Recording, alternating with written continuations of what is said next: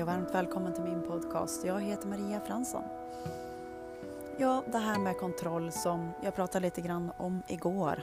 Det är ett jättespännande ämne för att vi har egentligen ingen kontroll utan det är ju högre, högre eh, makter som, som styr. En del tror ju att allting är förutbestämt, att eh, det blir som det ska bli i alla fall. Så vad händer då när vi släpper kontrollen? Om vi säger det kan vara en kärleksrelation eller en kompisrelation och eh, misstänksamheten är där. Och det har ju ingenting med den personen att göra utan det är ju återigen att någonting inom, inom oss har eh, blivit sviken och eh, att man behöver vara misstänksam. Det kan vara också väldigt eh, tydligt i kompisrelationer att vi behöver vara misstänksam, vi behöver skydda oss för den här personen är inte snäll mot oss. Allt det här, det är ju saker vi har varit med om. Och eh, som jag skrev i eh, Höj din vibration och upplev ditt naturliga dig, det är ju att tryggheten finns inte utanför oss utan den finns inom oss.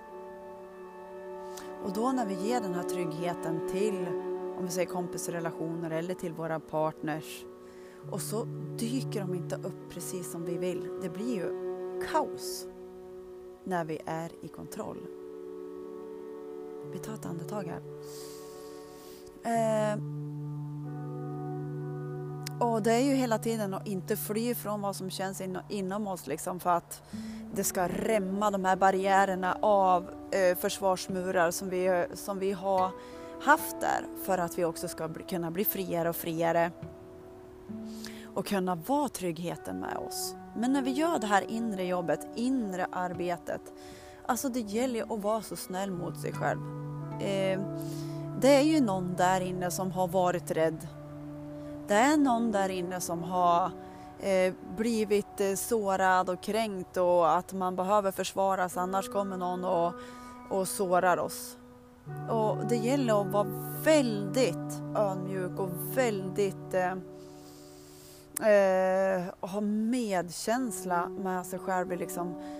Så att man inte är mera, som jag sa till någon, eh, ja men den här martyren liksom bara. Eller tränaren att nu ska det vara så här liksom. Nu, eh, men jag kan väl inte hålla på och vara svartsjuk eller jag kan väl inte vara misstänksam. Nu, nu går vi direkt över och så är positivt, tänker vi positivt.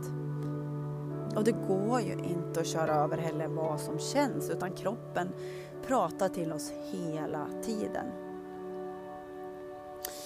Eh, så det är ju hela tiden bara, vad har gjort det sant inom oss och vad vi har varit med om som, som speglas i olika eh, situationer i allt vi möter utanför oss. Och det är ju inte alltid lätt utan det känns som det är tårar och det är det är ja, massa grejer när vi börjar göra inre arbete så känns det ju väldigt mycket såklart.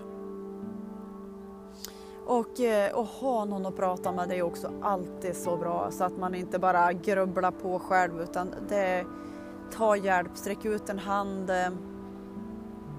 Och är du den då som är misstänksam med vänner eller någonting så okej, okay, känn det. Var med den delen som, som har blivit så sårad och eh, eh kränkt. Lyssna på på henne eller honom. Och var med honom och ge. För den som kan ge kärlek och stöd till de här alla eh, sakerna vi har gjort i sant, det är du. Det är du själv som kan göra det bara.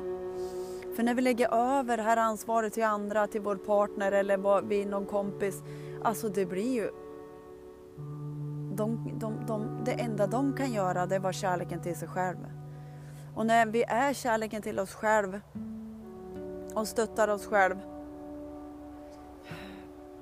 då kan vi också vara mera förstående för andra.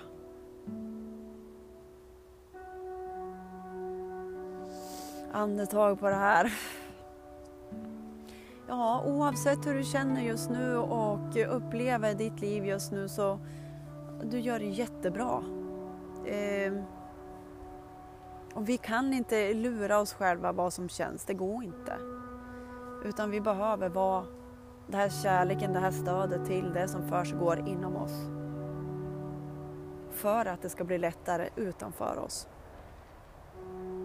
Kram och ha en fantastisk härlig dag. Hejdå!